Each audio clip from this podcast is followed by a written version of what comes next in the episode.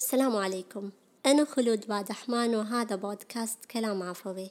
هذا البودكاست خاص جدا جدا جدا لأصدقاء خلود. ليس منطقيا أن نتناقش ونخوض جدلا في إن كانت الحياة سهلة أو صعبة. النتيجة محسومة ومن لا يدرك صعوبتها ولم يعيشها في أقل احتمال فمؤكد أنه يرى ويسمع ويعي ويعرف. والله الحياة بسيطة.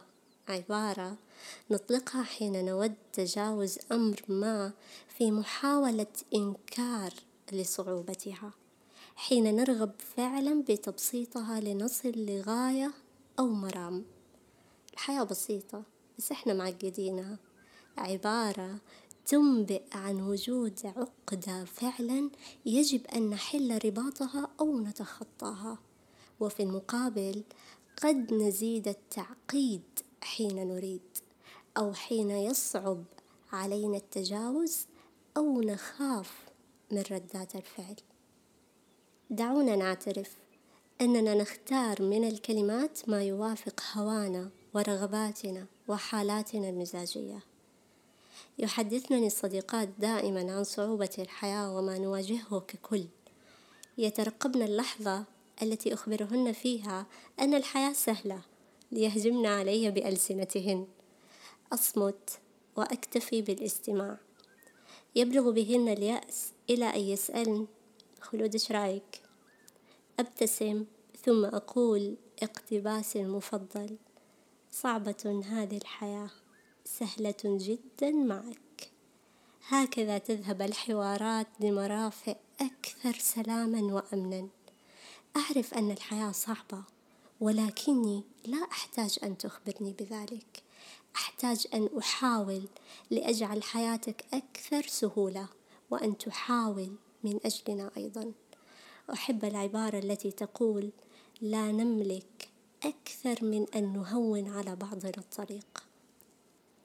إن الصعوبة التي نمر بها هي وسيلة لرفاه سنعيشه في وقت آخر أو ربما لأشخاص غيرنا. كل الرفاهية التي أعيشها الآن وتعيشها أنت هي صعوبة ذاقها آخرين. يبدو أني مضطرة الآن لأصرح. صعبة هذه الحياة. ولكن هل هذا كل شيء؟ طبعا لا.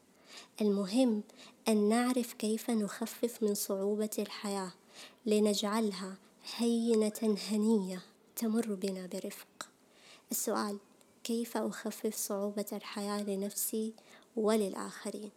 واحد كن في رحلة تعلم مستمرة فكل صعوبة تواجهها تخبرك بأن هناك حل لا تعرفه نقص في معلومة ما أو معرفة تحتاجها. اثنين بسط ما يمكنك تبسيطه وتجاوزه. تعلم فن التجاوز ارمي خلف ظهرك كل ما استطعت. لا تكن محترفا في تحويل الصغائر لأمور جسيمة. ثلاثة تبنى من القناعات ما تساعدك.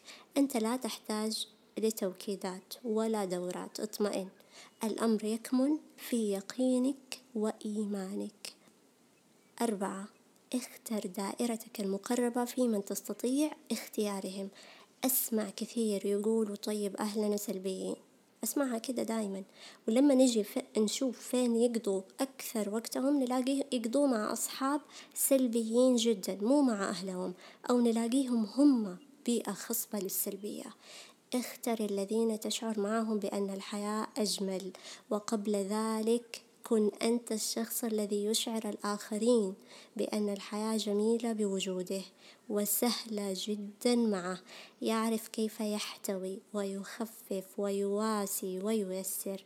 أحب بيت مريم جيلان اللي تقول فيه هات الهموم التي أشقتك وارمي بها وهات رأسك إني ها هنا كتف. خمسة حاول أن تعيش الأيام فرادى لأنك حين تفكر فيها مجتمعة قد يعتريك القلق. ستة كن مع الله صدقا. كن معه في تعاملاتك وحواراتك ودعائك. اسأله الحياة الطيبة. من عمل صالحا من ذكر أو أنثى وهو مؤمن فلنحيينه حياة طيبة. الأمر واضح جدا ولا يحتاج لتأويل. أخيرا الحياة في عمومها كبد ومشقة. يتخللها الكثير من لطف الله وتدبيره والجمال الذي يحيط بنا من كل جانب. أحط نفسك بالطيبين. أصلح نيتك قدر استطاعتك. كن صاحب همة وعزيمة ومسؤولية. وتذكر فلنحيينه حياة طيبة. شكرا. لاستماعكم. لا تنسوا تشاركوا الحلقة هذه مع الناس اللي تحبوهم بس اللي تحبوهم. ونلتقي بإذن الله تعالى في حلقات قادمة.